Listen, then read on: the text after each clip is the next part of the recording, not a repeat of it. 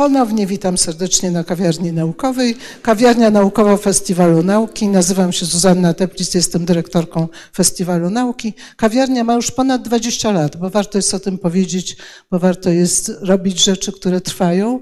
E, założyła ją pani profesor Magdalena Fikus razem ze mną, a teraz mamy jeszcze młodą siłę w postaci redaktor Karoliny Głowackiej. We trzy tą kawiarnię jako ojcowie założyciele, tak się nazywamy, prowadzimy. Nie, ojcowie, tak się nazywamy, no trudno. Tak, tak wyszło.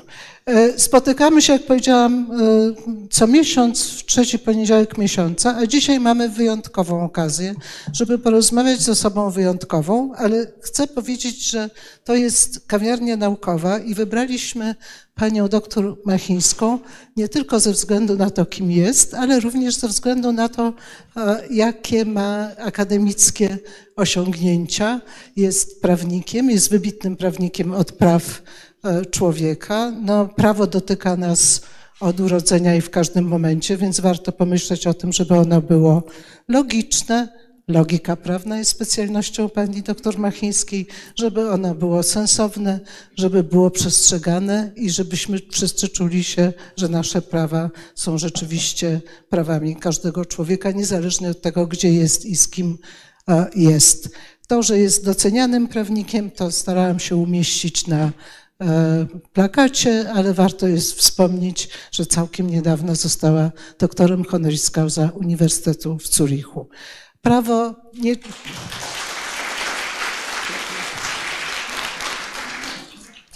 Prawo, czasem się zastanawiamy, czy prawo to jest nauka, to jest kawiarnia naukowa, ale jeśli pomyślimy sobie, że chyba nie ma uniwersytetu na świecie, gdzie nie ma Wydziału Prawa, i Uniwersytet Warszawski też w gwiazdkach, jedna z gwiazdek mówi o tym, że to był Wydział Prawa, który był na tym uniwersytecie jako jeden z pierwszych, więc nic dziwnego, że poprosiliśmy panią Machińską, żeby wygłosiła dla nas wykład. A jeszcze jedną, tylko ostatnią rzecz, mianowicie czas jest nieubłagalny. Powiedziano mi, że tylko do 19.30 ma dla nas czas, w związku z czym Oczywiście będzie czas na pytania, bo na tym jest, opiera się nasza kawiarnia, ale trzeba to mieć w pamięci, że właśnie taki jest nasz limit czasowy. Dziękuję bardzo. Dziękuję bardzo. O, proszę, widzę tutaj przybywające przyjaciółki i przyjaciół. E, e, proszę Państwa, e, chciałabym przeprosić za ten czas nieubłagany, E, ponieważ e, po naszym spotkaniu, a dzisiaj to jest siódma i ósma godzina mojego wykładu, jeszcze mam zobowiązania akademickie, które się zaczynają o godzinie 20. I jeszcze chciałabym krótkie wyjaśnienie skierować do Państwa. Otóż w związku z pewnymi problemami, które miały miejsce, jeżeli chodzi o wykład, wykład w Uniwersytecie Warszawskim, który miał się odbyć jutro o godzinie 17. E, początkowo został zdjęty przez pana rektora. Dzisiaj odbyłam długą rozmowę z panem rektorem. E, spotkanie, wiem, że wiele osób się wybiera, spotkanie się odbędzie, tylko ja zaproponowałam trochę inną formułę, czyli będzie to zapowiedź wykładu, który otworzy pan profesor Węgleński. Ja będę miała taką krótką e, wypowiedź 20-25 minut, troszkę sobie porozmawiamy i następnie zostanie ogłoszony, nie wiem czy jutro, termin wykładu, który już będzie pełnowymiarowym wykładem. Proszę Państwa, Y, oczywiście odwołuje się y, w dzisiejszym spotkaniu granica między nadzieją a rozpaczą. Odwołuje się, y, proszę Państwa, do dramatycznych wydarzeń, w których mogłam uczestniczyć dzięki temu, że byłam zastępczynią Rzecznika Praw Obywatelskich do grudnia 2022 roku. E, to nam pozwoliło z całym zespołem, bo nie byłam osamotniona, to my jeździliśmy z całym zespołem, e, przebywać bardzo często na granicy polsko-białoruskiej i przebywać również na granicy polsko-ukraińskiej. E, dzisiaj chciałabym kilka słów powiedzieć o też obu granicach, bo to warte jest takiego spojrzenia i porównania. Przede wszystkim Dlaczego między nadzieją a rozpaczą? Dlatego, że obserwowaliśmy masowe przyjazdy do Polski z wielką nadzieją, że właśnie tu ci, którzy przyjeżdżają, uciekają przed opresją, znajdą poczucie, będą mieli poczucie bezpieczeństwa. Czy ta nadzieja, czy ta nadzieja się spełniła? To bardzo różnie. To bardzo różnie. Chciałam Państwu powiedzieć, że mm, takie pierwsze zderzenie, dramatyczne zderzenie, e, dotyczyło sytuacji mm, Usnarza Górnego. Usnarz Górny, mała wioska, e, która nie była w ogóle znana i nagle znalazła się na ustach całej Europy. Tam bowiem zostali wypchnięci na teren Białorusi Y, obywatele Iraku i Afganistanu. Ostatecznie zostało 32 obywateli i obywatelek Afganistanu. My tam jeździliśmy y, w straszliwych warunkach. Y, były też dzieci w tak strasznych warunkach, w których apelowaliśmy do białoruskiego PCK, żeby białoruskie PCK dostarczało jakiekolwiek pożywienie i wodę. Czerpano wodę pitną Y, z bagna, z rzeki, ze strumyków. Była osoba ciężko chora. Y, my y, stwierdzaliśmy, nie tylko stwierdzaliśmy, tylko my widzieliśmy dramat tych ludzi. W wyniku działań aktywistów grupa ta otrzymała tak zwane zabezpieczenie w postaci tak zwanego interim measures wydanego przez Europejski Trybunał Praw Człowieka. E, rząd polski na mocy tego właśnie nakazu zabezpieczenia został zobowiązany do tego, żeby zabezpieczyć e, pożywienie, schronienie, dostęp do pomocy prawnej. Niestety tak się e, zdarzyło, że rząd polski odpowiedział, że ponieważ osoby te znajdują się na terenie Białorusi, w związku z tym takiej możliwości nie ma. postawiono ciężarówkę z, ze wszystkimi wiktuałami, namiotami i tak no ale to była taka trochę pokazowa historia. Jednocześnie też propaganda, która tej całej sprawie towarzyszyła, to był, mówię, poligon doświadczalny dla władz. Ta propaganda mówiła tyle, że przecież to nieprawda, że oni tam są, oni się wymieniają, to są inne osoby, oni robią taką pokazówkę i tak dalej. My mieliśmy listę tych osób. My przyjeżdżaliśmy i my prosiliśmy ich o imiona, nazwiska, mogliśmy do siebie krzyczeć przez granicę i odkreślaliśmy, czy to są te osoby. I to były, my widzieliśmy ich twarze. My, nie ma wątpliwości, to były te osoby, które w straszliwym, straszliwym cierpieniu tam się e, znalazły. I oczywiście nie wiemy, mm, jaka była sytuacja ostatecznie. E, osoby te ostatecznie z usnarza oddaliły się po długim czasie, e, ale chciałabym powiedzieć, że zobaczyliśmy E, to, do czego jednak, że władza nie była tutaj skłonna do podjęcia pewnych działań, działań o charakterze humanitarnym, które pomogłyby tej grupie. E, tu zdecydowanie był absolutny opór i to było niezwykle, niezwykle trudne. Ogłoszono stan wyjątkowy. Ten stan wyjątkowy to była kolejna forma, która pokazywała, że e, Żaden aktywista, żadna aktywistka nie dostanie się w pobliżu e, tego, w pobliżu tego miejsca. W związku z tym my byliśmy jedyną grupą, która miała prawo komunikowania się przez e, granice. Proszę Państwa, to są, to właściwie są bardzo e, trudne sprawy. Oczywiście Rzecznik Praw Obywatelskich uważał i słusznie uważał, że rząd polski nie wywiązuje się z owych interim measures, tego zabezpieczenia, że jest to złamanie Europejskiej Konwencji e, Praw Człowieka. No, e, można powiedzieć, że mm, problem powstał jeszcze jednej natury, a mianowicie ci ludzie ubiegali się o opiekę, ochronę międzynarodową. I w jaki sposób mogli się ubiegać? Otóż stali po stronie białoruskiej, krzyczeli: My chcemy każdy pojedynczo, nazywam się tak i tak, żądam ochrony międzynarodowej. Po stronie polskiej stali prawnicy, którzy byli pełnomocnikami tych y, osób. Tymczasem, i tutaj muszę powiedzieć, że ja z tym stanowiskiem bardzo się zgadzam, tymczasem artykuł 26 ustęp 1 który mówi nam, o, to jest ustawa o udzielaniu pomocy cudzoziemcom, mówi tak, cytuję, że złożenie wniosku może nastąpić osobiście na formularzu. Tylko, że z rzecznikiem mieliśmy tutaj wymianę zdań. Rzecznik mówi osobiście, to znaczy fizycznie zjawiam się w urzędzie albo w punkcie granicznym i wręczam formularz. Ja uważałam, że osobiście, nawet pani profesor Łędowska w pewnym momencie też tak się wy, y, wypowiedziała, że osobiście, to znaczy osobiście niech pełnomocnik to zrobi w imieniu tej osoby. Jest zresztą orzeczenie Europejskiego Trybunału Praw Człowieka, które dotyczy, dotyczy sprawy litewskiej i Trybunał Sprawiedliwości w tej sprawie powiedział, że nie można uniemożliwić e, złożenia, e, złożenia wniosku o ochronę międzynarodową.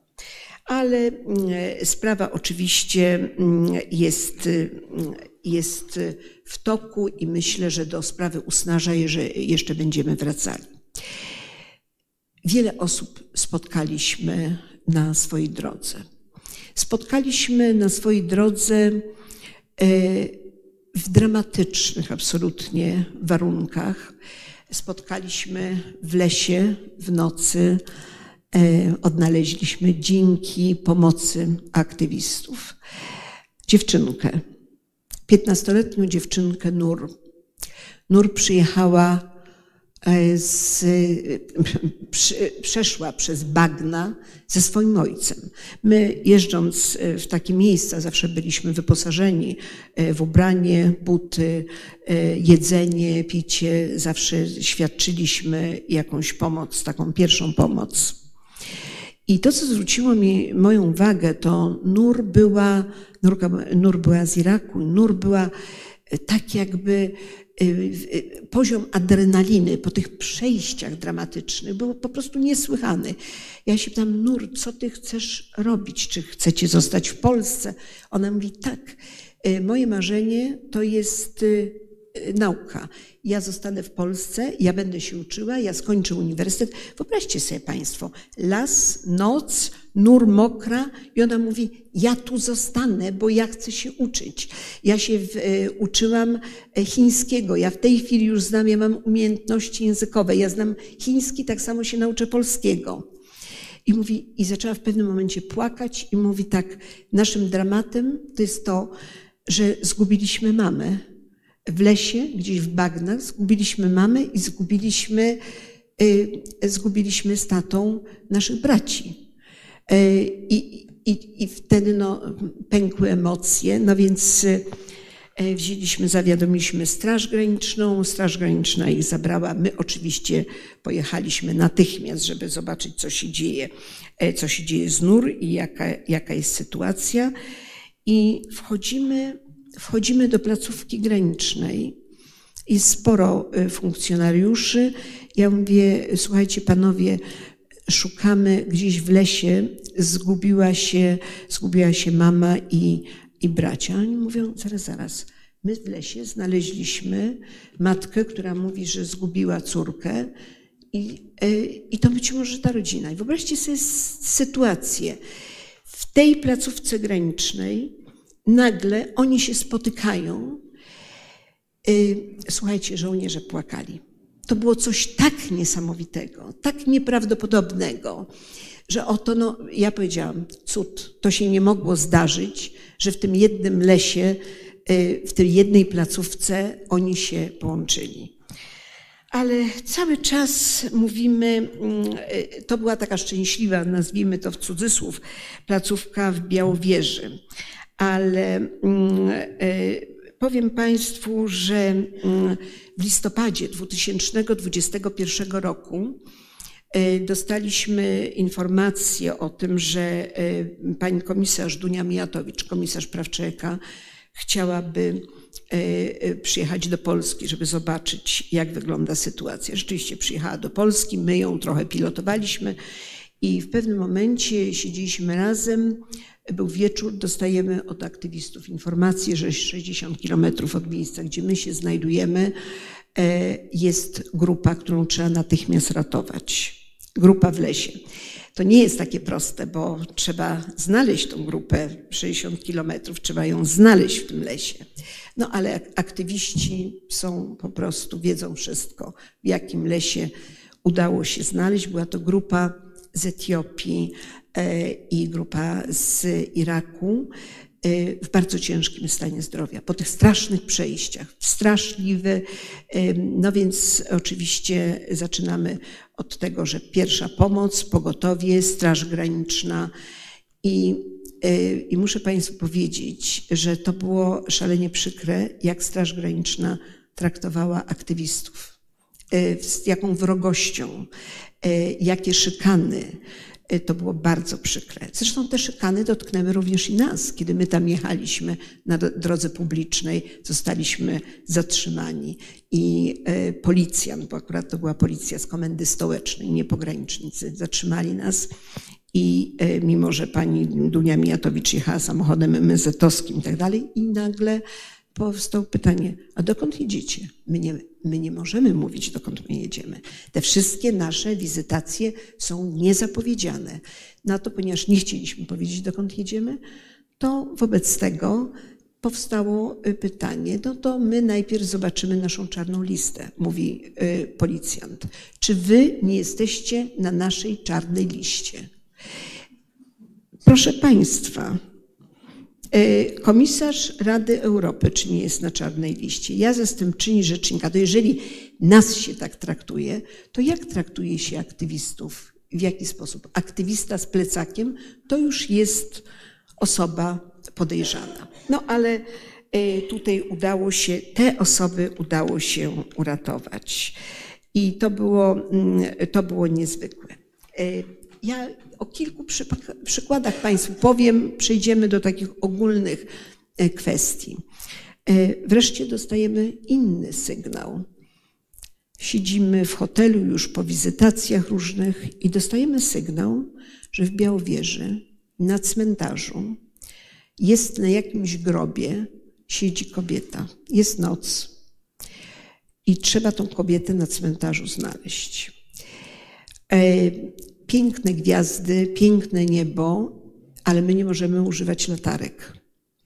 Bo jeżeli użyjemy latarek, żeby poświecić, to może się zdarzyć tak, że szybciej przed nami będzie Straż Graniczna. Jeżeli będzie Straż Graniczna, to może się zdarzyć tak, że ta osoba zostanie wydalona na teren Białorusi.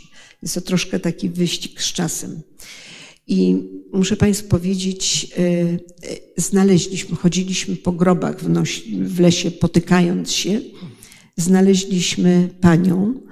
E, potem się okazało, to była pani Jazytka, bardzo w wieku zaawansowanym, która była prawie sparaliżowana. Na szczęście my byliśmy z wolontariuszami z PCK, którzy ją znieśli na płachcie, tak jak na noszach, znieśli ją na płachcie do Straży Granicznej. Potem komunikacja z nią ona była niepiśmienna, nie można było nawet posługiwać się e, translatorem.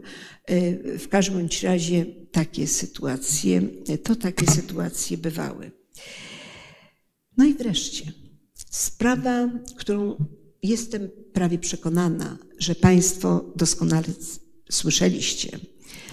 To była sprawa dziewczynki z Iraku, Tiby. E, Tiba e, przeszła razem z rodzicami i braćmi e, przez dramatyczne, w dramatycznych warunkach. Tiba przeszła przez bagna, ojciec przenosił dzieci przez bagna. Był na Białorusi, wszyscy właściwie, z którymi rozmawialiśmy, byli naprawdę potwornie traktowani. Używano psów, bito tych ludzi. Na Białorusi było po prostu strasznie. Ja niedawno właśnie w prasie też ujawniałam, butelka wody na Białorusi kosztowała 100 euro. A jak nie chcesz zapłacić 100 euro, to pij wodę z bagna. A mieliśmy przypadek matki z niemowlęciem, która miała mleko w proszku i to mleko w proszku rozpuszczała, biorąc wodę z bagna. E, wyobraźcie sobie Państwo, tu nie ma żadnej przesady. To po prostu rozpacz, rozpacz. Wracam do Tiby. E, Tiba, e, wtedy 13, prawie 14-letnia dziewczynka, bardzo taka rezolutna. Sąd zadecydował, że mm, Tiba z rodzicami ma się znaleźć E, w ośrodku strzeżonym dla cudzoziemców Białej Podlaskiej. Ja Tibę widziałam wcześniej, więc widziałam, że ta dziewczynka jest taka pełna życia i po krótkim czasie znalazłam się w ośrodku strzeżonym e, e, i zobaczyłam, spotkałam, chciałam Tibę spotkać, zobaczyłam Tibę, ja Tibę nie poznałam. Ciężka depresja, dramat. Tiba wyglądała jak cień tej dziewczynki, którą widziałam. I ona mówi, ja jestem w więzieniu. To jest ośrodek strzeżony, kraty, dryl, różnie o tym za chwileczkę. Tiba rozpoczęła głodówkę w strzeżonym ośrodku dla e, cudzoziemców. Głodowała 28 dni. My walczyliśmy o Tibę. E, w jaki sposób? Zwracaliśmy się do komendanta, który ma uprawnienia gdyby było mm, zagrożone zdrowie, życie, może zwolnić taką rodzinę do środka otwartego. Nie było mowy. Wreszcie widząc, że zdrowie Tiby jest naprawdę na włosku, e, Tiba została wysłana do szpitala w Białymstoku. W Białymstoku powiedziano, że nie są w stanie jej pomóc. E, to jest tak głęboka depresja, że jedyny szpital, który oni widzą w Polsce, to jest szpital warszawski, na Trojdena i psychiatria. I rzeczywiście Tiba z mamą została przewieziona, no bo mała dziewczynka z mamą, gdzie cały czas głodowała. Na szczęście w tym szpitalu był świetny lekarz Syryjczyk, który nawiązał świetny kontakt, komunikację z Tibą. Tiba była też zaopiekowana przez wolontariuszkę, panią Ninę, która znała świetnie język arabski. E, ja odwiedzałam Tibę w szpitalu psychiatrycznym. Tłumaczyliśmy, żeby porzuciła. Ona powiedziała: Wolę umrzeć, bo z piekła w Iraku znalazłam się dla mnie piekło w więzieniu. Ja jej tłumaczyłam, że to nie ma porównania, że to inne warunki i tak dalej. I ona mówi: Wolę umrzeć. Ja już nie chcę te, takiego życia. I e, dlaczego mówię, że Państwo powinniście znać e, bo, e, historię Tiby? Bo Tiba napisała list, przejmujący list, który ukazał się też w prasie międzynarodowej. I Tiba mówiła tak. Miałam 8 lat, gdy skończyłam lekcję, usłyszałam dźwięk śmierci. U drzwi szkoły był wybuch, w którym omal nie zginęłam. Wyszłam z budynku, gdy zobaczyłam ciała moich przyjaciół, nauczycielki byli we krwi. Jeden chłopiec był tak okaleczony, że z trudem go poznałam. To był Irak. I ona powiedziała: Przeszła dramat. E, rodzice, ojciec pomagał armii amerykańskiej, licząc na to, że armia amerykańska rodzinie pomoże. Ona była świadkiem tortur E, wobec ojca. Uciekali w absolutnym e, dramacie. E, I mówi tak, musieliśmy uciekać z Iraku. Myślałam o tej podróży jako jedynej drogi do bezpiecznego życia, pięknej przyszłości. Myślałam o spacerach po ulicach miasta, o tym, jak oddycham bez lęku. Pamiętam, że zawsze słuchaliśmy o prawach dzieci w Europie, o tym pięknym miejscu no, opowiada, co przeszli na Białorusi, to się wszystko potwierdza. I Tiba y, w rezultacie powstał problem, że jeżeli Tiba po leczeniu znajdzie się z powrotem w ośrodku strzeżonym, to nie wiem, ona usiłowała popełnić samobójstwo. To nie wiadomo, co z nią będzie. Y, no muszę powiedzieć, że różne zabiegi czyniliśmy. Powiem, że bardzo różne, takie trochę ręczne sterowanie tą sytuacją. Ja powiedziałam, to dziecko musi wyjść. Albo skażecie to dziecko na śmierć, albo to dziecko musi wyjść. Y, I doszło do tego, że z pomocą lekarzy, lekarze powiedzieli, że jeżeli ona wróci do środka zamkniętego, to jest to zagrożenie dla jej życia.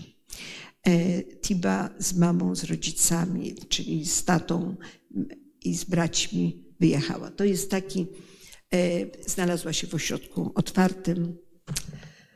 Tiby już w Polsce nie ma. Tiby w Polsce nie ma. Polska tym osobom zaczyna się bardzo źle kojarzyć.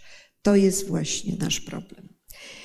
Proszę Państwa, o czym mówimy? Czyli te przypadki, a tych przypadków setki. Y, aktywiści tutaj by nam poopowiadali po prostu.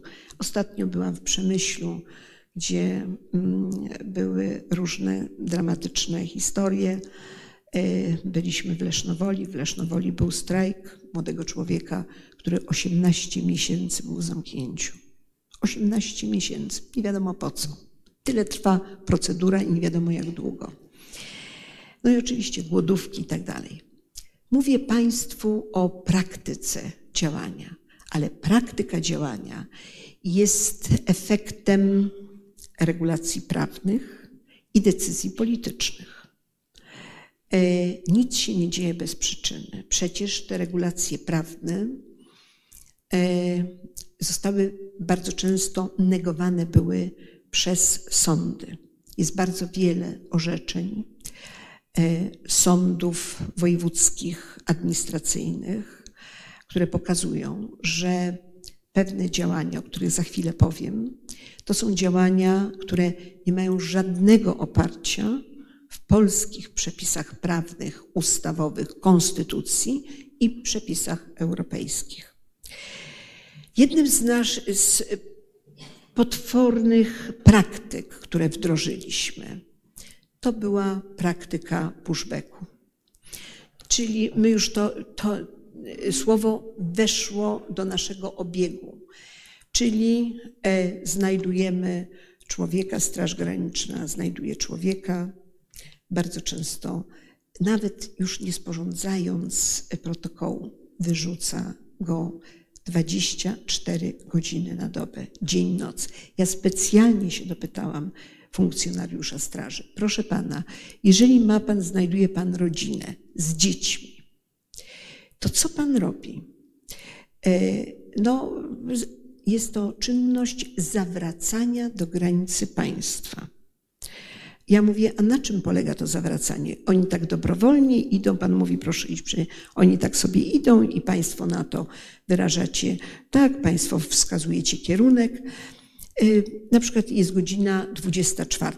No tak, o 24 też. Ja mówię, i dzieci, i kobieta w ciąży, i osoby niepełnosprawne. No, jeżeli są w dobrym stanie zdrowia, na ogół kobiety w ciąży wszystkie są w dobrym stanie, a osoby niepełnosprawne w bardzo dobrym stanie zdrowia, no tak, tak to trwa. Pushbacki to jest coś, co obciąża nasze sumienie i będzie, to jest drzazga, której nie wyjmiemy. Nie, to jest coś tak strasznego. To jest nie tylko polski, polski wynalazek. Pushbacki są w całej Europie. Pushbacki i właśnie wspomniana tutaj Dunia Mijatowicz wydała rekomendacje, rekomendacje o pushbackach w Europie, y, wyrzuceni poza granicę. I ona mówi, że to jest nielegalne w świetle prawa międzynarodowego. Rzecznik Praw Obywatelskich wielokrotnie o tym mówił, że pushbacki to jest złamanie Europejskiej Konwencji, to jest złamanie prawa unijnego, to jest złamanie konwencji genewskiej. My jesteśmy, my jesteśmy stroną konwencji genewskiej, która mówi o tym, że jest fundamentalna zasada non-refoulement. Ta zasada w języku francuskim jest cytowana i nawet się nie tłumaczy jej na język polski. Zakaz wydalania. To jest podstawowy, ta zasada w prawie uchodźczym ma pierwszeństwo przed innymi zasadami. Konwencja genewska mówi, że żadne państwo nie będzie karało kogoś, kto nielegalnie, czyli mówi się obecnie nieregularnie, przekracza granice. To teraz mogę Państwu pokazać ten przykład, który niedawno oglądaliśmy. Tego chłopca, dwudziestomężczyzny młodego, który zawisł na murze, zawisł na płocie. Pamiętacie? I ten rechot, straszliwy rechot niestety funkcjonariuszy, te komentarze i tak dalej. Co się z nim stało potem? No został niestety, niestety został wydalony na teren Białorusi.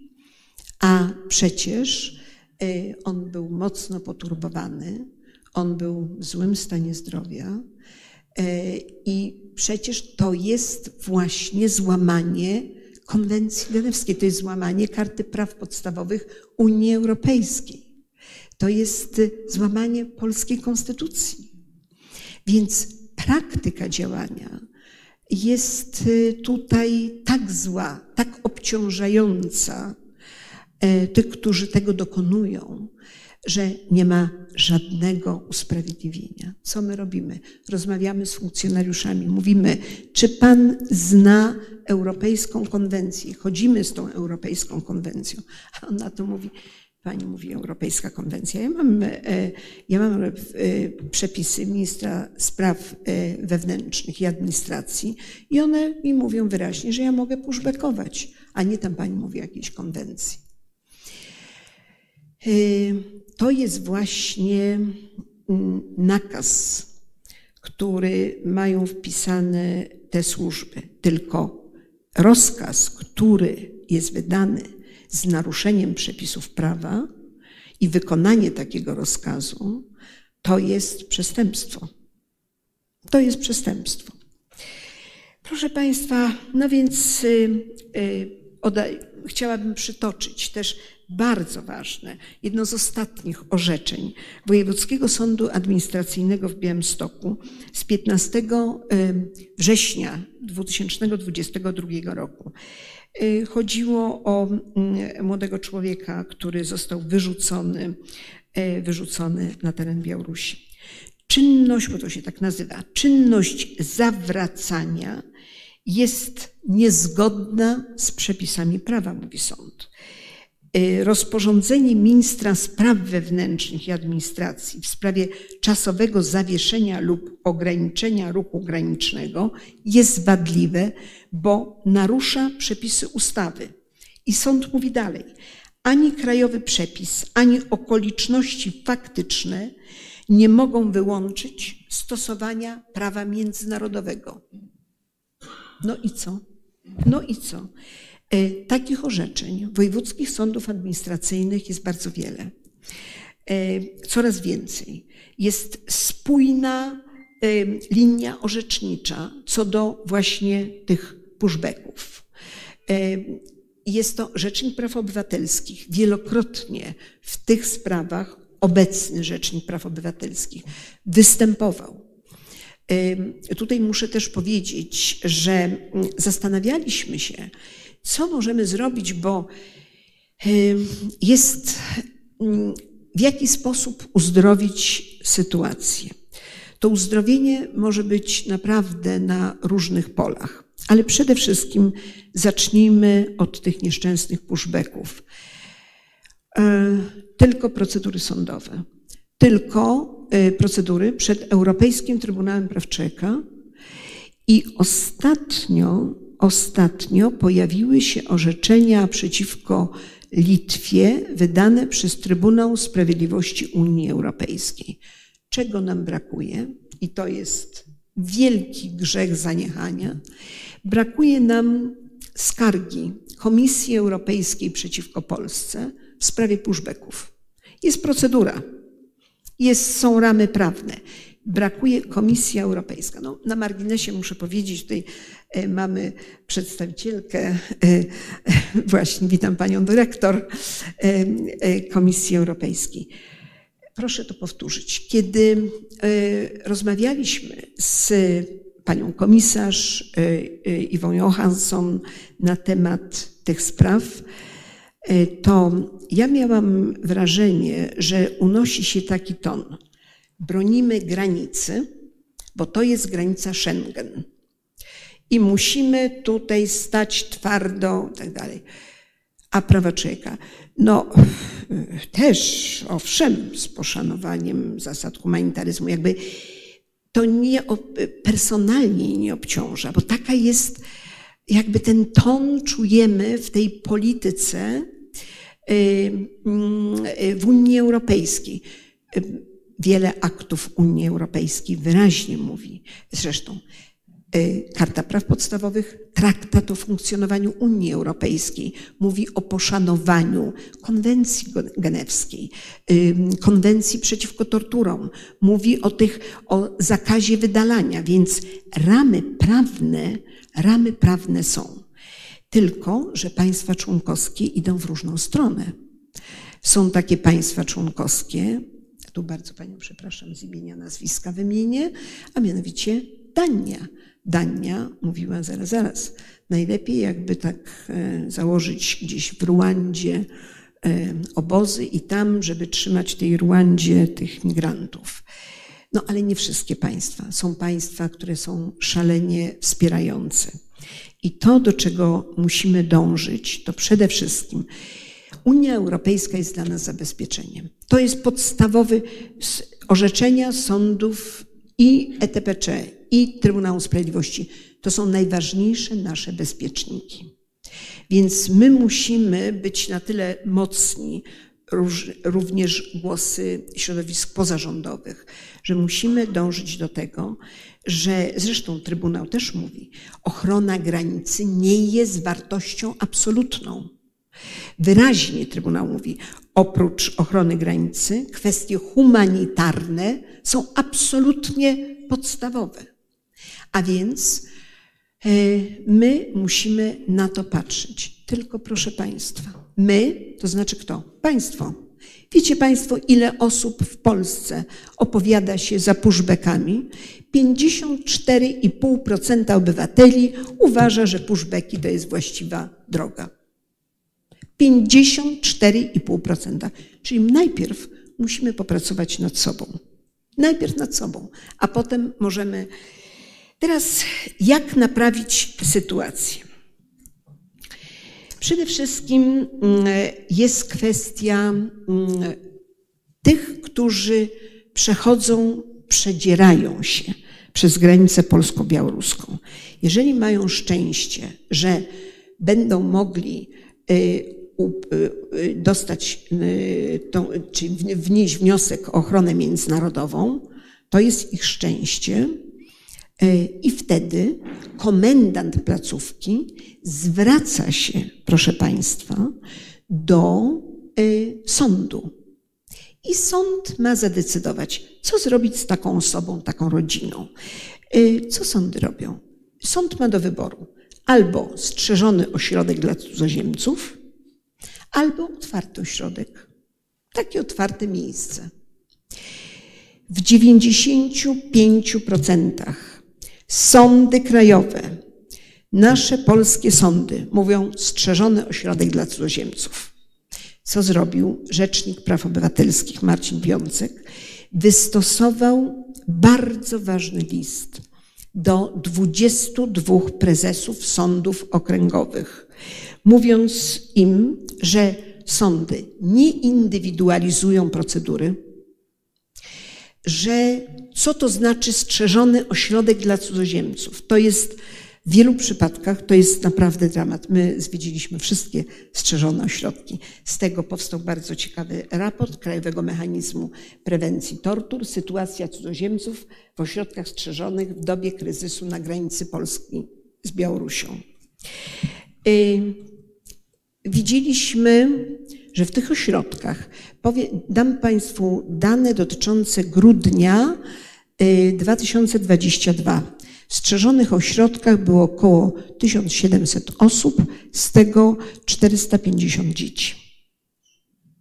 Dzieci w strzeżonych ośrodkach, detencja, czyli pozbawienie wolności dzieci, Przecież jest orzecznictwo europejskie przeciwko Polsce, Europejskiego Trybunału Praw Człowieka. Dzieci nie powinny być w strzeżonych ośrodkach, to jest pozbawienie wolności. Pytam się, dlaczego sądy, mając alternatywę, dlaczego sądy nie podejmują takich działań, mówiąc, nie, nie, to jednak, dlaczego ta osoba e, nie może nie być, może by czekać na procedurę w otwartym ośrodku. Teraz też Państwu powiem, e, na czym polega, nie wiem jak to określić, ale to Państwo zdefiniujecie. No wyobraźcie sobie, jedna z ostatnich moich akcji dotyczyła kobiety, która była, kobiety z Konga, w dziewiątym miesiącu ciąży zagrożona ciąża. Y, źle ułożony płód. Y, znajdowała się w strzeżonym ośrodku. Po drodze gdzieś straciła męża, nie wiadomo gdzie. Y, została wysłana do szpitala. Szpital pisze tak. Stan dobry, ciąża zagrożona, dziewiąty miesiąc. W związku z tym funkcjonariusze zabierają kobietę do środka strzeżonego. No i tutaj ręczne sterowanie. Dzwonię do ordynatora. Nie powinnam tego mówić. Dzwonię do ordynatora.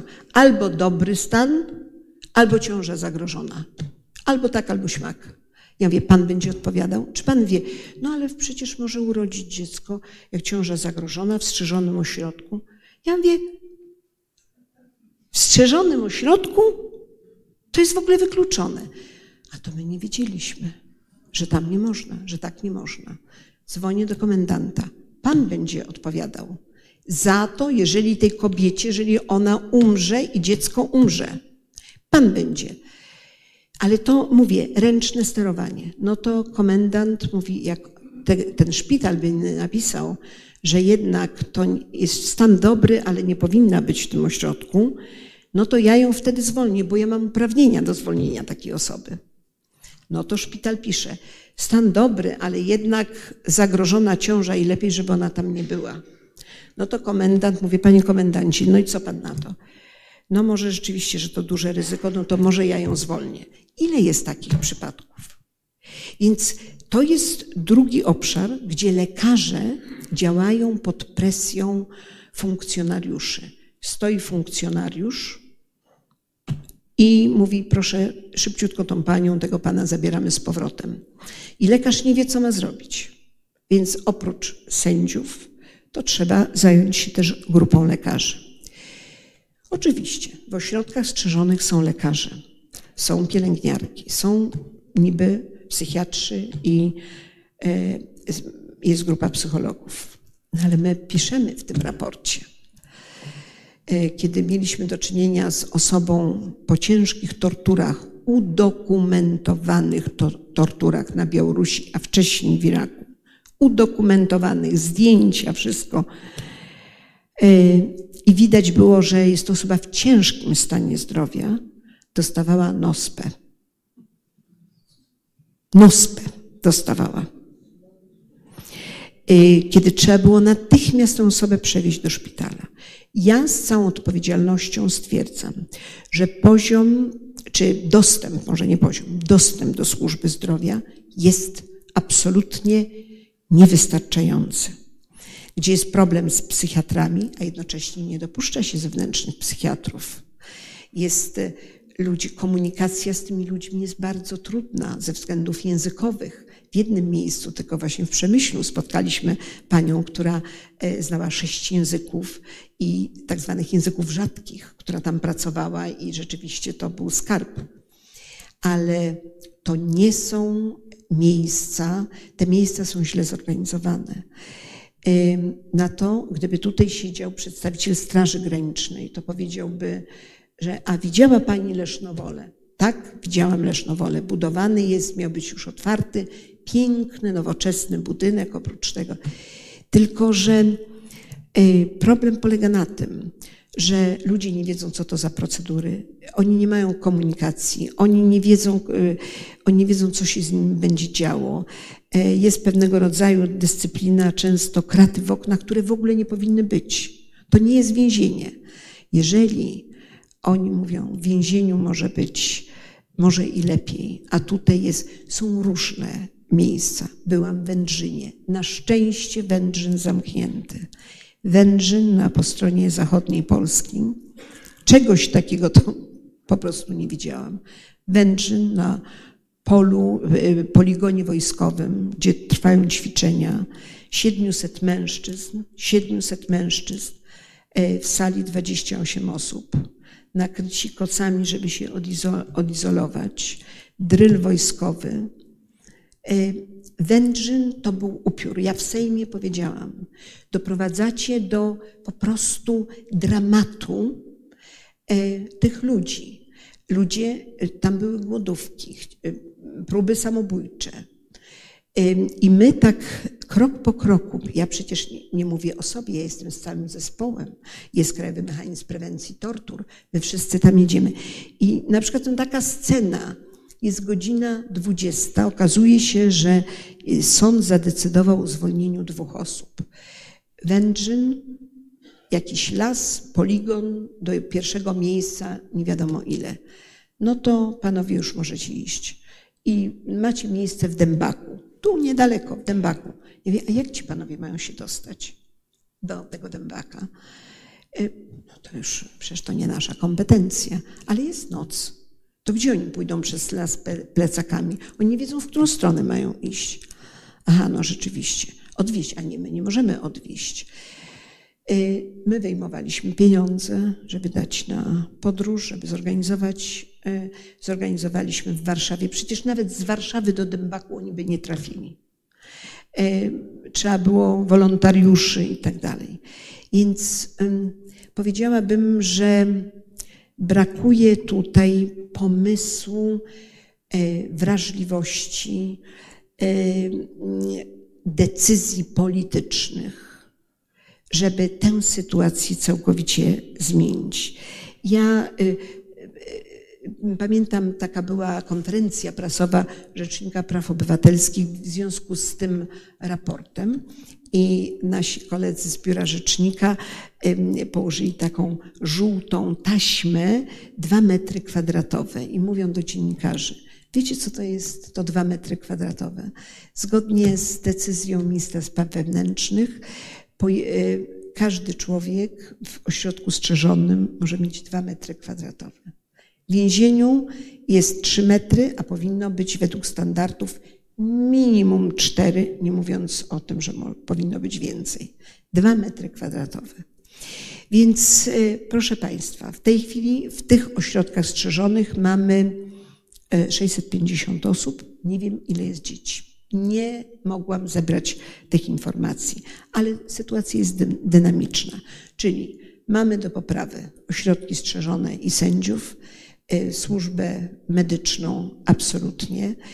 Y, Urząd do Spraw Cudzoziemców, przyspieszenie procedur, no ale przede wszystkim załatwienie się jednoznaczne z pushbackami. To powinno być natychmiast. Ta praktyka jest w ogóle niedopuszczalna. No i powstaje jeden problem, jeszcze przepraszam tak y, tutaj jeszcze o tych pushbackach. Oni są zawracani na granicę e, na Białoruś. Ja chciałam się zapytać, czy Białoruś jest państwem bezpiecznym? Pytam się funkcjonariusza, czy Białoruś to państwo bezpieczne? Y, wie pani, nie dostaliśmy żadnego przekazu od naszych szefów, nie słyszeliśmy, że Białoruś była państwem niebezpiecznym. Jak dostaniemy taką decyzję, że niebezpiecznym, to wtedy tam nie będziemy, ale w tej chwili jest bezpieczne. Więc wyobraźcie Państwo sobie sytuację, w której wyrzuca się w nocy na tę Białoruś. Wiadomo, że tam są psy, paralizatory i tam się dzieją różne straszne rzeczy. Czyli oni z tej Białorusi znowu przechodzą do Polski. Czyli jeżeli nie załatwimy sprawy pushbacków, to e, ta granica będzie czarną, częścią historii Polski. To będzie coś, na co nie powinno być zgody, naszej, naszej zgody. I chciałam Państwu powiedzieć, w takiej opozycji do tego, o czym mówię, przecież jeździliśmy na granicę polsko-ukraińską. Byliśmy od 25 lutego na granicy polsko-ukraińskiej. Niezapomniane sceny, po prostu y, moje pokolenie nie przeżyło wojny, ale to, co zobaczyliśmy, te tysiące mm, Ukraińców, ale nie tylko, y, osób, studentów zagranicznych o innym kolorze skóry, którzy byli troszkę inaczej traktowani, ale to szybciutko załatwiliśmy ten problem. Także mm, zostali właściwie, że tak powiem, potraktowani, nie było już problemu. Ale te tysiące i ta otwartość funkcjonariuszy, E, Straży Granicznej. Słuchajcie, widziałam, jak e, oficer Straży Granicznej, jak pomagał tym starym ludziom, przyszedł do pokoju i płakał. I e, Straż Graniczna nosiła bagaże, dzieci na ręce. Ja mówię, gdzie ja jestem? To jest jakiś kompletnie inny, inni ludzie, inny sposób traktowania, otwartość. I to była, to była ta nadzieja dla Y, Ukraińców, że tu na polskiej ziemi oni znaleźli naprawdę na razie, na chwilę swój dom. Od momentu przekroczenia granicy nie mam słów pozytywnej oceny, jeżeli chodzi o funkcjonariuszy Straży Granicznej, wszystkich, nie mówiąc o wolontariuszach. Gdyby, było, gdyby nie było wolontariuszy, system by się załamał. Wie to doskonale nie jedna osoba, wie to E, Fundacja Helsińska, ile Fundacja Helsińska robi, ile inne fundacje, Grupa Granica. Powiem Państwu więcej, że i na tej granicy, i na tamtej granicy bez e, obywatelskiego tego uniesienia i działań obywateli wszystko by się rozwaliło totalnie. No, a my też tak troszkę cerujemy, te, widzimy jakieś luki. Powiedziałam, że ostatnio byłam w Przemyślu. Od pewnego czasu pojechałam na konferencję jakiś czas temu do Przemyśla. I taka w domu ukraińskim. Bardzo ciekawa konferencja. W czasie przerwy podchodzi do mnie młoda osoba i mówi: tak pani się zachwyca tym, co się dzieje tutaj, jak jesteśmy, Ukraińcy są zaopiekowani. Niech pani pójdzie na dworzec w Przemyślu, to pani zobaczy. Okazuje, okazuje się, że to była taka świetna działaczka romska. I wchodzę na ten dworzec i, i widzę, że są dwie kategorie obywateli. Obywatele i nieobywatele. Na dworze z dziećmi siedzą rodziny romskie. Ja mówię, zaraz, co tu jest? Co się dzieje? No, muszę powiedzieć, że było mm, pewnego rodzaju zamieszanie, spowodowałam troszkę. Zobaczyliśmy, że rodziny romskie, to jest, jest tutaj widzieliśmy w też na Modlińskiej. Ten problem z rodzinami romski, romskimi to jest, bo to są rodziny 30 osób. E, nie chcą się rozdzielić. Maleńkie dzieci. E, młodziutka matka, która już ma dziesięcioro dzieci. Drobiazg. Dokąd chcecie jechać? Co chce, czy macie jakiś plan? No może do Londynu. A co tam w Londynie? No nie wiemy. Albo najlepiej do Sztokholmu albo najlepiej wrócić do przemyśla. Oni, oni po prostu bezplanowi, kompletnie bezplanowi. Nie ma, ale oni nie można się dziwić, bo taką grupą to musi się państwo zająć. Oni są bezradni. I to jest zadanie państwa. E, I co odkryłam ostatnio w Przemyślu, o czym zapewne Państwo nie wiecie. Otóż co drugi dzień z Przemyśla odchodzi pociąg, który się nazywa pociąg Hanower. Pociąg, po, pociąg Hanower jedzie do Hanoweru. wyjeżdżają przede wszystkim Ukraińcy, ale też Ukraińcy romscy, czyli Romowie ukraińscy, tym pociągiem. Tam przyjeżdżają do Hanoweru. W Hanowerze dzieli się ich na różne landy i każdy land musi się zaopiekować tymi rodzinami. Co drugi dzień po 300 osób. O tym się w ogóle nie mówi. To jest ta pomoc Niemców, konkretna pomoc. No bo y, gdyby znowu nie aktywiści, nie aktywiści romscy, fantastyczni, nie ma tutaj z nami Joanny Talewicz, to w ogóle byśmy, byli, byśmy przepadli. My nie możemy zorganizować życia i pomóc w zorganizowaniu życia Romom w Polsce. A to nie jest taki problem jak w Czechach czy na Słowacji. Ale tu też Rzecznik Praw Obywatelskich bardzo działa, począwszy od Adama Bodnara, który był niezwykle w to zaangażowany. Ale tu wyobraźcie sobie, jak pojechałam na Modlińską, gdzie, a wcześniej widzieliśmy takie miejsca, gdzie jest 7 tysięcy osób na jednej sali. I Romowie mówią tak, 7 tysięcy. Jest, mówią, świetnie. Jest naprawdę świetnie, bo jest jakoś tam przestronnie, bo mogą dzieci biegać, jest jedzenie, jest łóżko. No tak, ale i co, i co dalej? I co dalej? To jest problem nierozwiązany.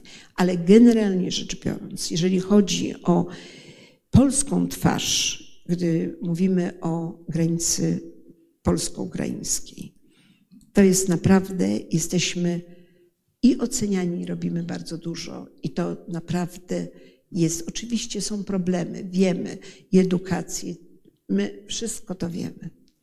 Natomiast mogę tylko taki podać przykład, że y, ta polityka państwa jest troszkę na takich glinianych nogach. O tym pisał już, y, pisała Najwyższa Izba Kontroli y, w 2015-16 roku, że to bardzo źle wygląda. Ale mówię o takim obrazie zewnętrznym. Pospolite ruszenie obywateli. To wszystko jakoś się dobrze toczy. Natomiast czarny obraz jeżeli chodzi o to, co się dzieje na granicy polsko-białoruskiej. I muszę Państwu powiedzieć, że jednocześnie, y, czy to jest przekaz zakazany, że nie można mówić o granicy polsko-białoruskiej?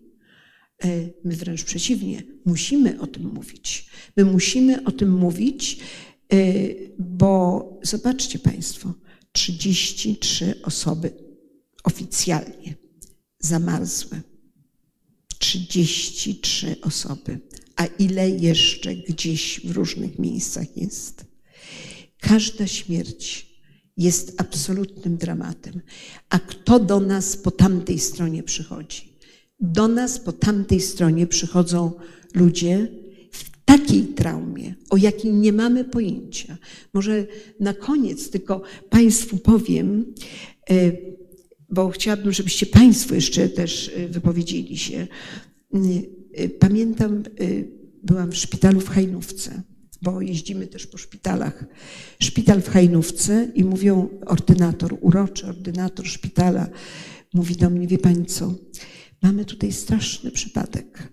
Mamy przypadek y, y, trójki dzieci. Dziewczynka jest chora na COVID, taka siedmioletnia jest dwóch chłopców, bliźniacy, y, którzy mają po 10 lat, ale leżą u nas w szpitalu w jednym łóżku. Nie wiem, jak to chłopcy dziesięcioletni w jednym łóżku. Wpuszczają mnie nawet do tego pokoju, gdzie cała rodzina jest i ta dziewczynka chora na COVID. I ja widzę, jest nieduże dziecięce łóżko.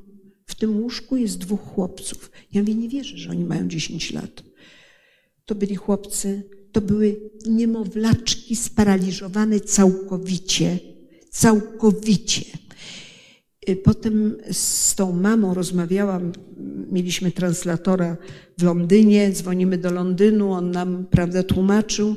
On powiedział, e, mój mąż wziął pod pachę jedno dziecko, drugie dziecko sparaliżowane I my uciekaliśmy. A dlaczego uciekaliśmy do Polski?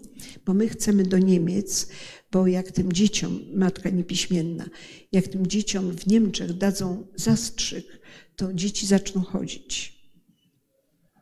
Słuchajcie, y, obraz Auschwitz. Obraz Auschwitz. I na koniec Państwu powiem tyle, że mm, każdego z nas życie jakoś tam doświadcza. Mamy masę swoich problemów i tak dalej.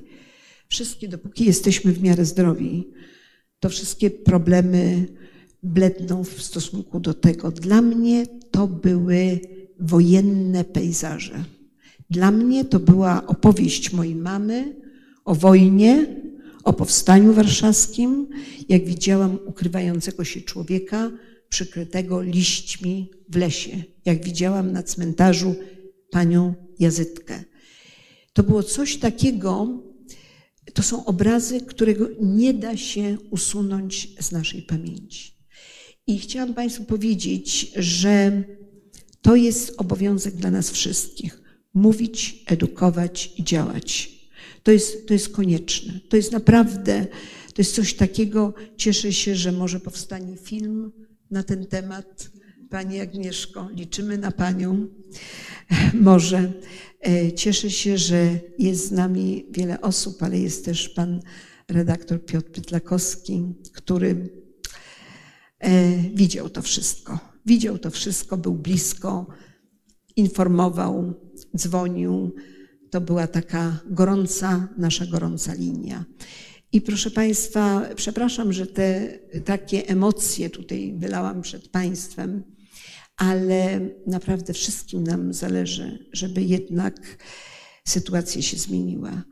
A tu widzę, że przy tej też narracji publicznej mamy na to małą szansę, ale trzeba o to walczyć. I cieszę się, że moi koledzy w Biurze Rzecznika Praw Obywatelskich e, prowadzą bardzo aktywne działania i walczą o to, żeby było jednak lepiej, przynajmniej uświadamiają, e, co należy zrobić. Nowe przepisy prawa wprowadzają jeszcze gorsze rozwiązania, jeżeli chodzi o uchodźców, aniżeli do tej pory.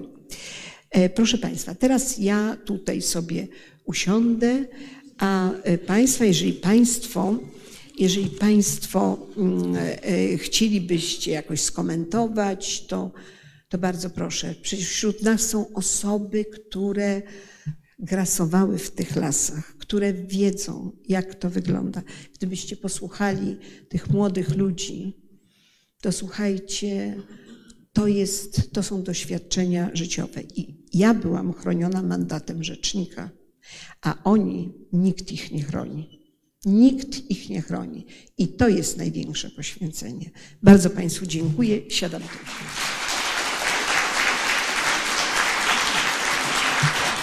Oho, ho, proszę Państwa. Pani profesor Brydak. Zaraz Państwa przepyta, czy jesteście szczepieni. Uwaga. Pani doktor, pozwolę sobie Pani serdecznie podziękować za trud, który jest nie, nie do oszacowania. Nie będę komentowała. Pozwolę sobie na wypowiedź jednego Anglika, y, Scott się nazywa. Komentarze są dowolne, ale fakty są święte. Bardzo dziękuję. dziękuję bardzo. Dziękuję bardzo.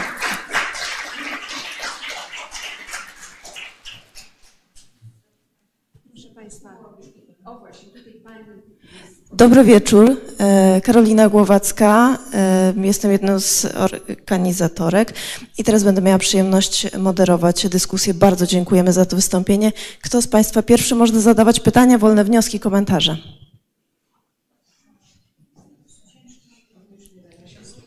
Tam już pędzę, dziękuję. Gdyby pan się przedstawił. Dzień dobry Państwu, Janusz Polowczyk, obywatel RP. Panie doktor, e, ta drzazga, o której Pani wspomniała, mówiąc o tak naprawdę społecznym efekcie zbrodni dziejącej się na granicy z Białorusią, jest również drzazgą siedzącą głęboko we mnie.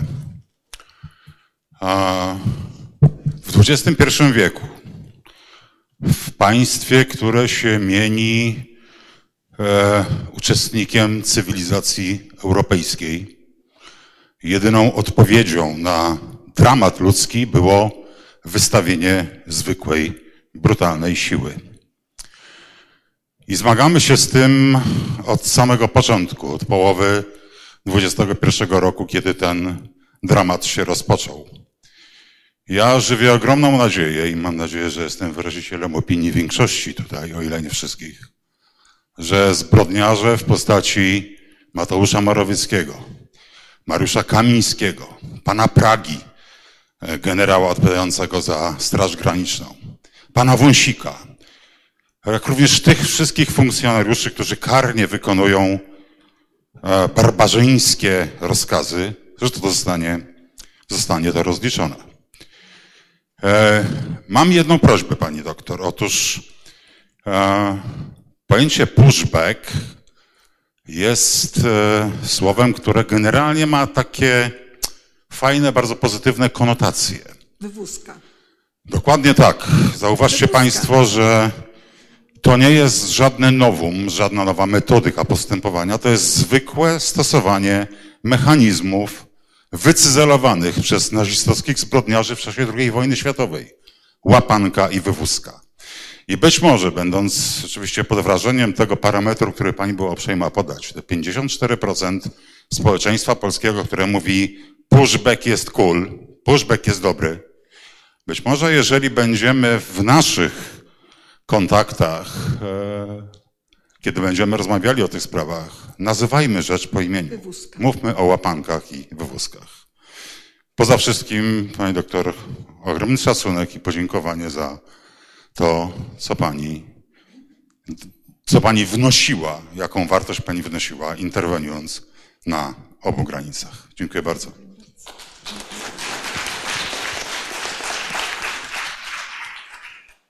Kto z Państwa... A, Piotr Pytlakowski. Yy, Popieram oczywiście to, co Janusz powiedział, zgadzam się w 100%, natomiast chciałem trochę zmienić nastrój i, odnieść się do Pani, Pani Hanno, do Pani aktywności i, jako świadek tego, co się działo.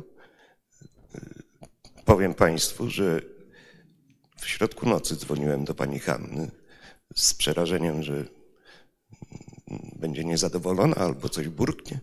A ona tak jakby w ogóle nie spała, tylko czekała na ten telefon i załatwiała sprawy. Dzwoniła do ówczesnego pułkownika, później generała, szefa Straży Granicznej w Białymstoku. Nie wiem, co pani z nim robiła, ale stawał do pionu i załatwiał te sprawy. Ja bardzo dziękuję za to wszystko. Dziękuję bardzo.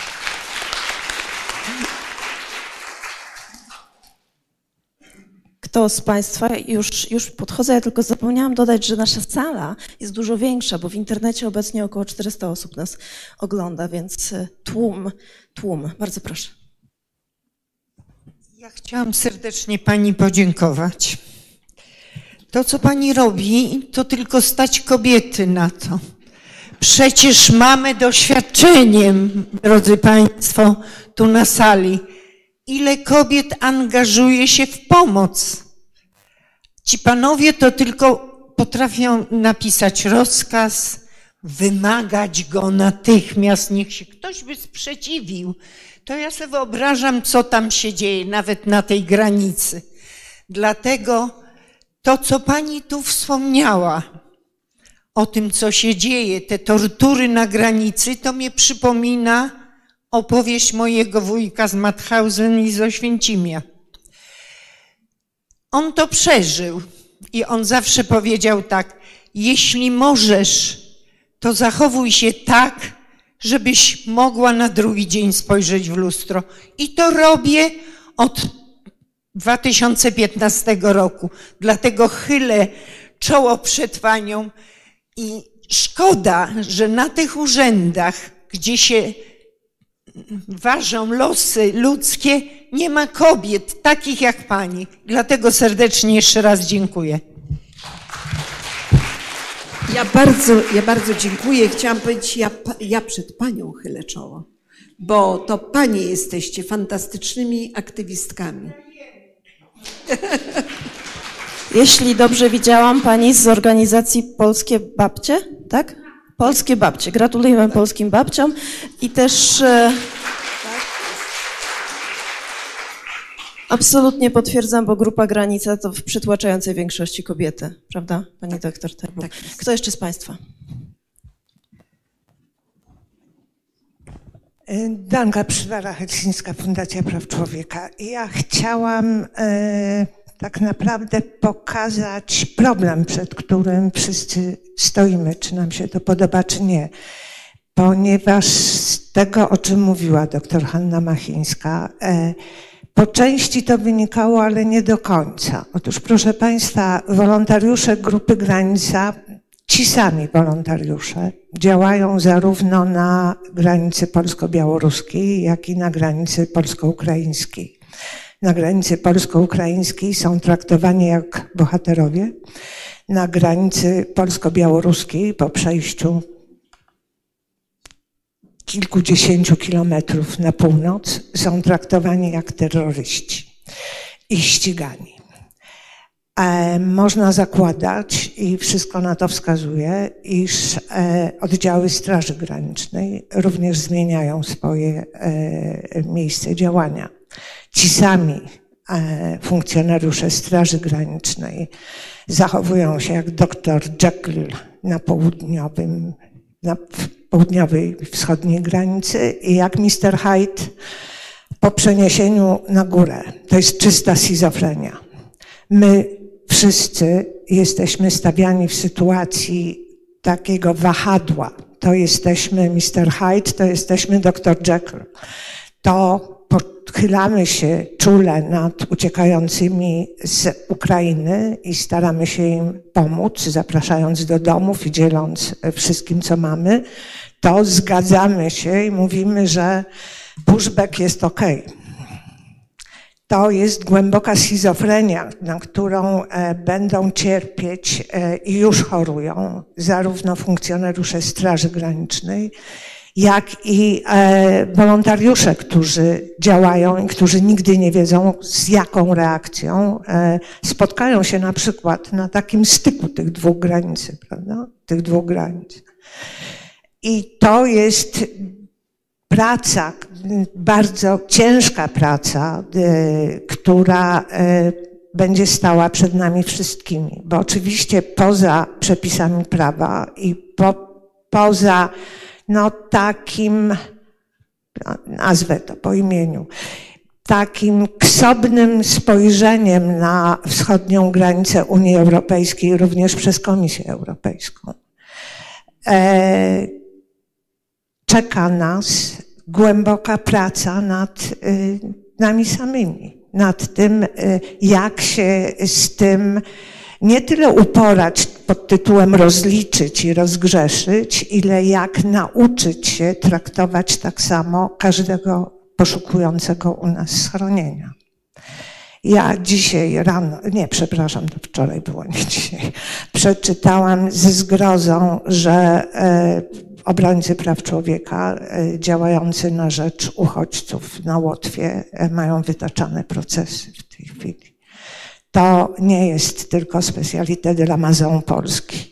I z tym też musimy e, sobie, z tego sobie zdać sprawę, ale również z tym poradzić. Ja jestem długodystansowcem, tak, jestem nazywana przez wielu, więc e, nie zakładam zwolnienia i nie zakładam tego, że nie będziemy tego robić. Wiem też, że to jest y, praca rozpisana na lata. To, to nie jest akcja do załatwienia. To jest coś, nad czym warto, żebyśmy wszyscy, każdy we własnym, na własnym podwórku, w ramach własnych możliwości, zastanowił się, co może zrobić, żeby odczynić e, to, co się dzieje i dołożyć chociaż małą cegiełkę do tego, byśmy sobie z tym w dłuższej perspektywie czasowej poradzili. Ja się w pełni z Panem zgadzam. Nie ma pushbacków. Pushback to takie puszyste, miłe, sympatyczne słowa. Są łapanki i są wywózki. I tylko tak rzeczywiście y, język może zrobić również bardzo dużo. Rozgadałam się, przepraszam. Haniu, to, że ja Ci dziękuję, to Ty wiesz.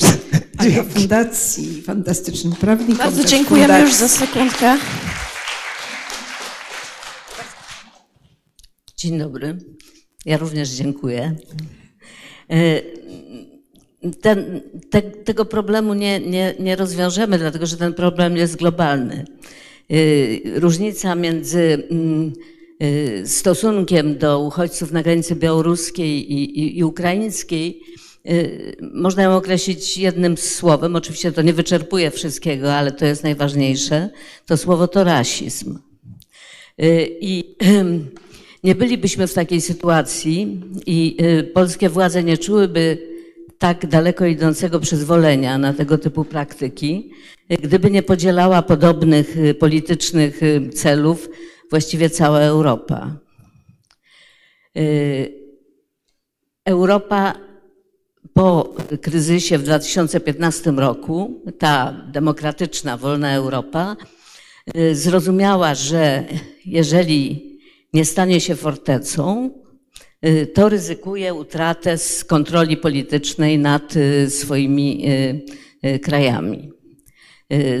I tym kieruje się większość tak zwanych demokratycznych, liberalnych, czy nawet lewicowych często polityków. To znaczy oni uważają, że przekroczenie pewnego, pewnej kwoty uchodźczej na terenie Unii Europejskiej y, y, musi zaowocować wzrostem nastrojów nacjonalistycznych i dojściem do władzy już powszechnie i populistów, których mamy w niektórych krajach. W końcu Orban się na tym zbudował, Kaczyński się na tym zbudował, Brexit się na tym zbudował, zbudowało Włochy teraz, prawda?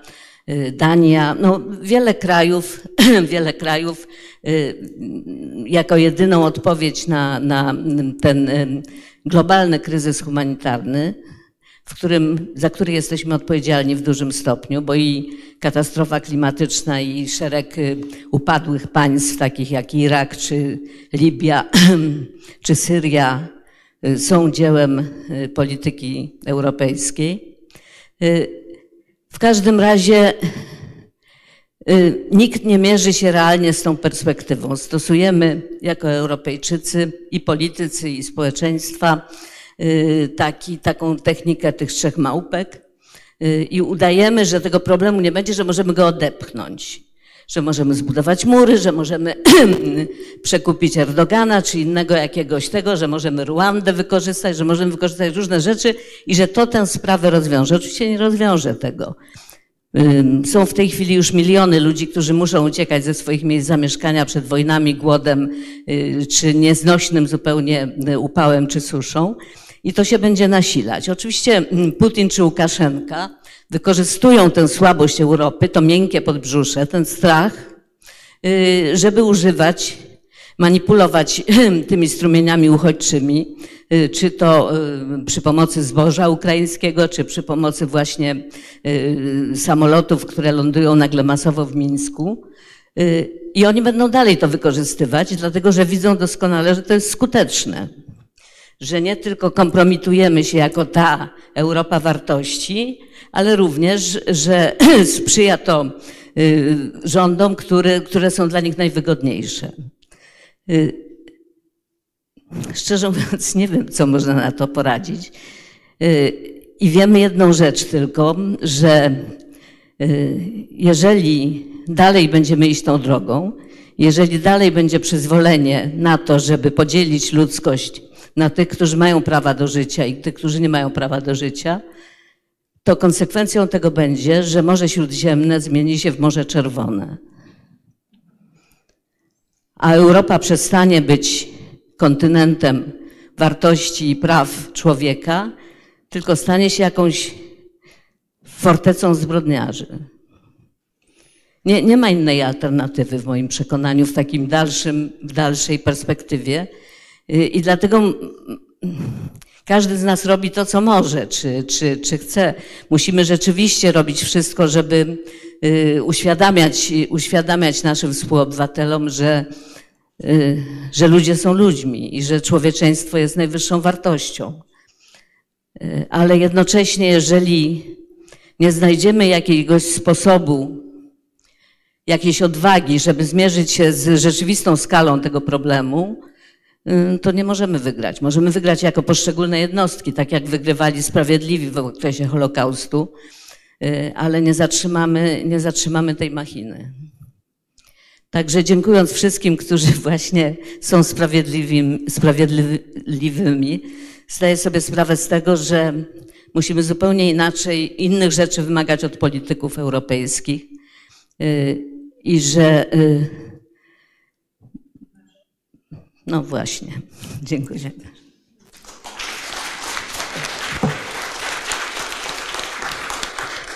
Bardzo dziękujemy. Wiem, że są głosy z sali. Państwo pozwolą chociaż jeden głos z internetu. Pani Grażyna jest z nami, która była na cmentarzu i razem szukałyście pani Jazytki. Pozdrawiamy serdecznie Grażynę, wolontariuszkę. I pani Danuta pyta, co może zrobić właśnie pojedynczy obywatel? To gdzieś tutaj krąży w tych wypowiedziach. Co możemy robić? To też jest pytanie, co możemy robić.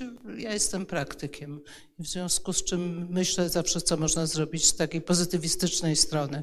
I mam dwa pytania. Po pierwsze, czy można zaskarżyć do sądu, nawet polskiego sądu, zarządzenie ministra spraw wewnętrznych w sprawie pushbacków, które są nielegalne i czy ktoś to zrobił? I drugie, czy możemy ścigać tych um, przedstawicieli Straży Granicznej, którzy wykonują bezprawne rozkazy i czy ktoś to robi. Jednym słowem, dwie rzeczy, które możemy opierając się o polskim prawie robić. Zacznę może, co możemy zrobić. Wszyscy możemy, proszę Państwa, bardzo dużo robić. Właśnie upowszechniać informacje, rozmawiać ze wszystkimi różnymi pokoleniami, rozmawiać z sąsiadami, jakby wywoływać, też taki pobudzać do takiej refleksji na temat tego zła, które się dzieje. Teraz, jeżeli chodzi o odpowiedzialność, to jest ogromny problem, odpowiedzialność karna. Jest takie bardzo dobre opracowanie pana profesora Małeckiego z Uniwersytetu Jagiellońskiego.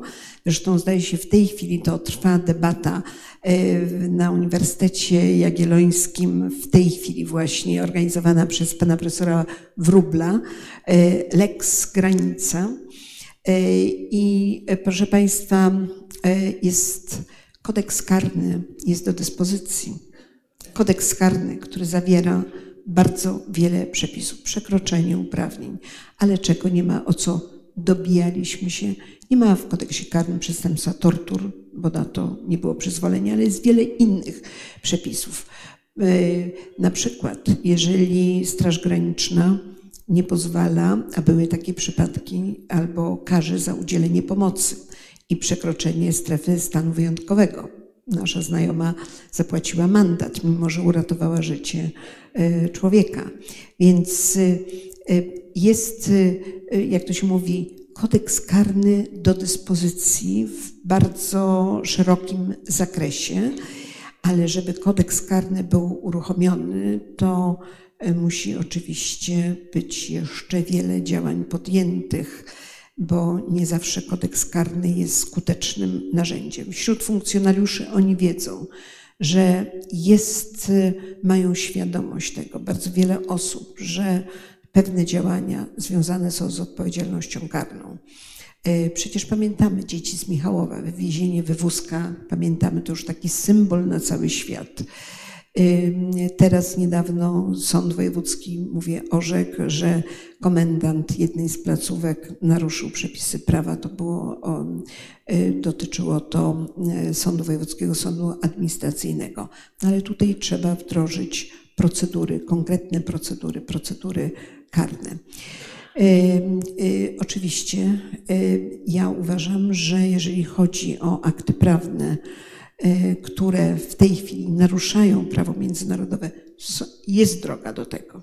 Jest droga, ale przede wszystkim taką drogą to bym widziała bardzo skuteczną, powracam do Komisji Europejskiej, to jest naruszenie prawa Unii Europejskiej i wystąpienie w związku z tym Komisji Europejskiej do Trybunału Sprawiedliwości. To jest taka droga, powiedziałabym, skuteczna. Zobaczymy też, co powie Europejski Trybunał Praw Człowieka w bardzo wielu sprawach, które w tej chwili są w trakcie oczekiwania, niedługo będą rozstrzygane, gdzie Trybunał powie, wypowie się na temat naruszenia Europejskiej Konwencji Praw Człowieka.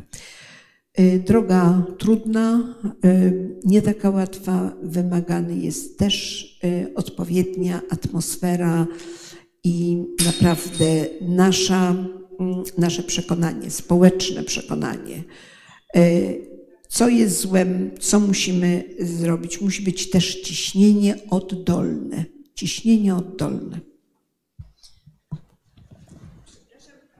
Polskim Czerwonym Krzyżem. Bo ostatnio w ogóle ja jestem wychowana, prawda, w takim poczuciu, że Czerwony Krzyż pomaga potrzebującym. I w tej Czerwony chwili w ogóle Krzyż, zanikł. My walczyliśmy, My walczyliśmy z, o to, żeby Czerwony Krzyż rzeczywiście bardzo nas wspierał, ale był w drugim rzędzie Czerwony Krzyż, wolontariusze. Dlaczego? Wtedy, kiedy była, straż, kiedy była strefa stanu wyjątkowego, władza nie chciała uznać prawa Czerwonego Krzyża do wjazdu i na przykład do tego, żeby Czerwony Krzyż mógł wejść do ośrodków strzeżonych. To była wielka, wielka debata. Y, tu nie trzeba było debaty, bo to było po prostu tylko zetknęliśmy się z prawem siły. Po prostu panowie nie wejdziecie i do widzenia. Natomiast y, Czerwony Krzyż ostatnio rzeczywiście chciałabym, żeby przywrócił do, do, życia, żebyśmy usłyszeli o tym, co Czerwony Krzyż ma sporo naprawdę możliwości i my korzystaliśmy rzeczywiście z tych możliwości, ale w tej chwili Czerwonego Krzyża troszkę mniej. Ja mam małą prośbę. W zasadzie nie tyle do Pani, bo dla Pani, dla pani mam ogromne uznanie i podziwiam, że Pani ma tyle siły, żeby właśnie tak bronić ludzi nie tylko na granicy, ale tutaj, na komisariatach, więc jestem tym absolutnie powalona, że tak powiem. Ale mam prośbę do mediów, do tych mediów wolnych, które jeszcze funkcjonują. E, bo władzy na razie nie możemy zmienić i póki taka jest, jest jak jest. Ale dlaczego o problemach na granicy polsko-białoruskiej nic się nie mówi? W TVN-ie w tej chwili, w e, e, TOK FM-ie, mówię o nich, bo ich tak, tak. słucham, ale temat zanikł. To było na samym początku, kiedy właśnie był Usnasz czy inne osoby. A przecież to właśnie woła o pomstę do nieba. 54%, jak pani powiedziała, ludzi jest za pushbackami. Ci, myślę, w większości nie wiedzą, co to znaczy. Dlaczego nie nazywać, tak jak pan powiedział, Będziemy. łapanką? To, co się tam dzieje i w ogóle rozmawiać z tymi ludźmi. Albo chodzić po szkołach, właśnie świetny pomysł. No nie wiem, kto wejdzie do szkoły. Poniekąd wywołana do odpowiedzi, bo jestem z Radia Tok FM. E, pani profesor czuje się e, odpowiedzialna, żeby adwocem się wypowiedzieć. Mówimy, kiedy tylko możemy. Szukamy pretekstów. Wręcz taka jest niestety specyfika mediów, że codziennie o tym samym temacie nie da się mówić, ale naprawdę robimy co możemy. Osobiście jestem współautorką dwóch reportaży na ten temat e, razem z Jakubem Metkiem, jeden nominowany do Grand Pressa, tak tylko daje znać. Staramy się bardzo, ale owszem, ja się zgadzam, powinno być tego... Nie pracuję tam. Mogłabym. Ale tutaj Całkiem wyględna jest, jestem, ale pani nie. redaktor nam uciekła, chyba Kolenda Zaleska. To powiemy, powiemy, powiemy, pani tak. redaktor. E, kto z państwa jeszcze? Proszę Państwa, e, tak pani musimy musi... dwie minuty. Dwie minuty. Dwie to minuty. tam pan jeden na koniec w takim razie. Proszę bardzo. Ryszard Godnek, niezrzeszony. E, tutaj wypowiadały się dotąd osoby, które w temacie są zorientowane. I wydaje mi się, że szereg rzeczy przyjmują jako tak oczywiste, że właściwie nie należałoby o nich wspominać i uczyć. E, wydaje mi się, że to jest pewien zasadniczy błąd. Jak pani doktor wspominała przy tych okazjach rozmowy z funkcjonariuszami służby granicznej, to wydaje mi się, i o tych wyrokach sądowych, to szczerze mówiąc wrażenie jest takie, jakby to gdzieś się działo na jakichś szczeblach ludzi znających prawo, natomiast niekoniecznie, że tak powiem, trafia do osób, które nie mają tej wiedzy prawnej.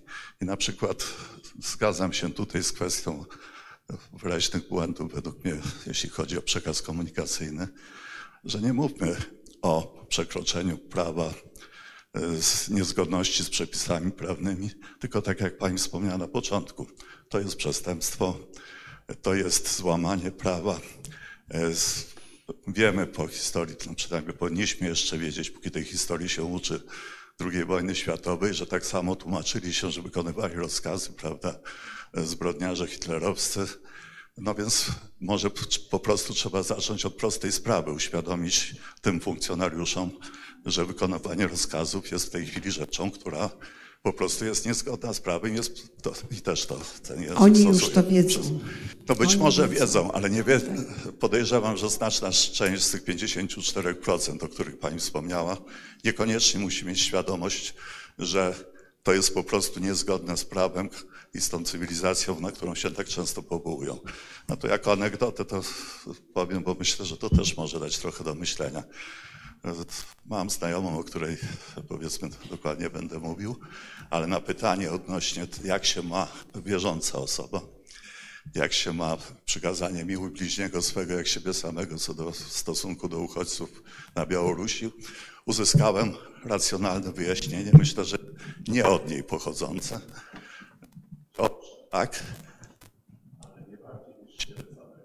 Czyli jeśli to narusza moje dobra i poczucie dobrostanu, to już nie jestem do tego jakby zobowiązany.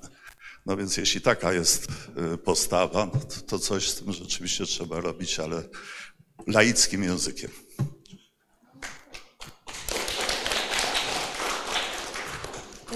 Kordasiewicz Helena, po prostu studentka prawa, której pomimo problemów technicznych na moim rodzimym wydziale udało się tutaj dotrzeć. Chciałabym po pierwsze pozwolić sobie w imieniu społeczności studenckiej wyrazić niewyrażalną wdzięczność za całe Pani zaangażowanie i zaszczyt uczenia się od Pani i to, że Pani przyjmuje zaproszenia od studentów na różne spotkania i prowadzi zajęcia, to jest dla nas naprawdę niesamowita okazja, żeby, żeby czerpać ogromną dawkę wiedzy. A po drugie, chciałabym zadać pytanie, powracając tutaj do tematu odpowiedzialności. Y, Było powiedziane, że musi zostać poniesiona odpowiedzialność karna bądź nawet chociażby dyscyplinarna. Jednakże, ponieważ problem jest tak ogromny, skala jest tragiczna, to trzeba tutaj spojrzeć troszeczkę pragmatycznie. Więc chciałabym spytać, na którym szczeblu hierarchii według Pani najważniejsze, priorytetowe jest obecnie, żeby pociągnąć ludzi do odpowiedzialności? Czy to mogą być szeregowi funkcjonariusze Straży Granicznej, czy to już powinni być ministrowie? Która z tych grup mogłaby być uczyniona takim prawie pokazowym przykładem, że to nie jest w porządku i jest przestępstwem? Dziękuję. Bardzo Pani dziękuję, bardzo dziękuję za te miłe słowa. Bardzo dziękuję. Przede wszystkim odpowiedzialność jest zindywidualizowana, ale odpowiedzialność polega na tym, że e, ci, którzy dokonują, popełniają przestępstwo, zapewne mogą się i będą się zasłaniali rozkazami. E, Tu odpowiedzialność może być wieloraka i tych, którzy wydają określony rozkaz i ten, który realizuje ten rozkaz, który ten rozkaz jest naruszeniem przepisów prawa. Także, y, a co do polityków, czy jest odpowiedzialność polityków? Powinna być, powinna być. Obawiam się, że będzie ona dość iluzoryczna. Zresztą odchodząc od granic, muszę powiedzieć, że niedawno y, Rada y, CPT, czyli Komitet Przeciwko Torturom, zwrócił się do ministra o taką analizę, do ministra sprawiedliwości i spraw wewnętrznych, analizę odpowiedzialności za naruszenia y, policjantów.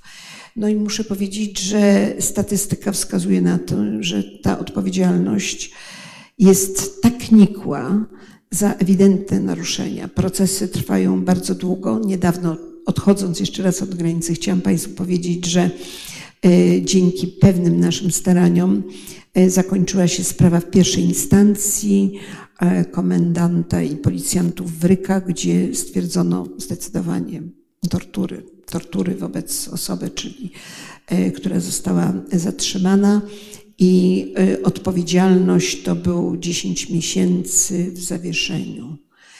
E, I takie rzeczy. I właśnie dlatego walczyliśmy, żeby do kodeksu karnego było wprowadzone przestępstwo tortur.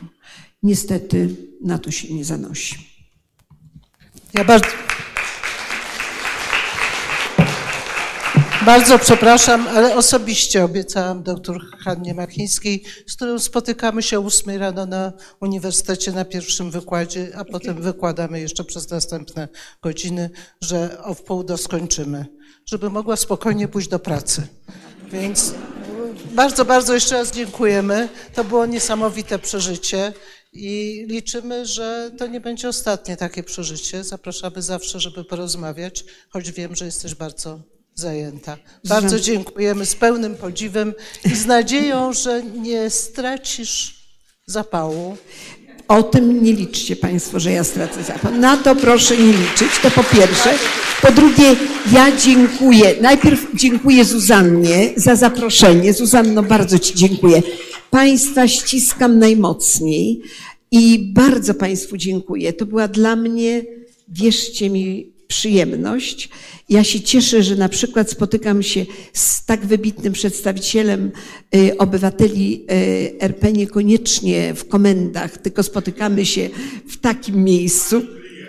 No wiem, no wiem właśnie. Także bardzo jest miło. Proszę Państwa, wszystkich Państwa ściskam najmocniej.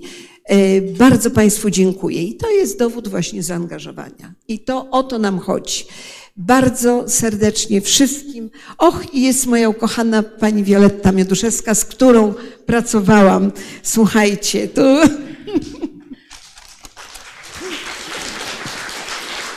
Pani doktor Mioduszewska, wielkie dysputy historyczne prowadziłyśmy. Tak, proszę Państwa, wielkie dzięki. Agnieszko, Ty prędko do kręcenia filmu. Ty proszę tutaj nie tracić czasu, tylko proszę się wziąć wreszcie do roboty. Proszę Państwa, ściskam Państwa, bardzo, bardzo dziękuję. Dzięki.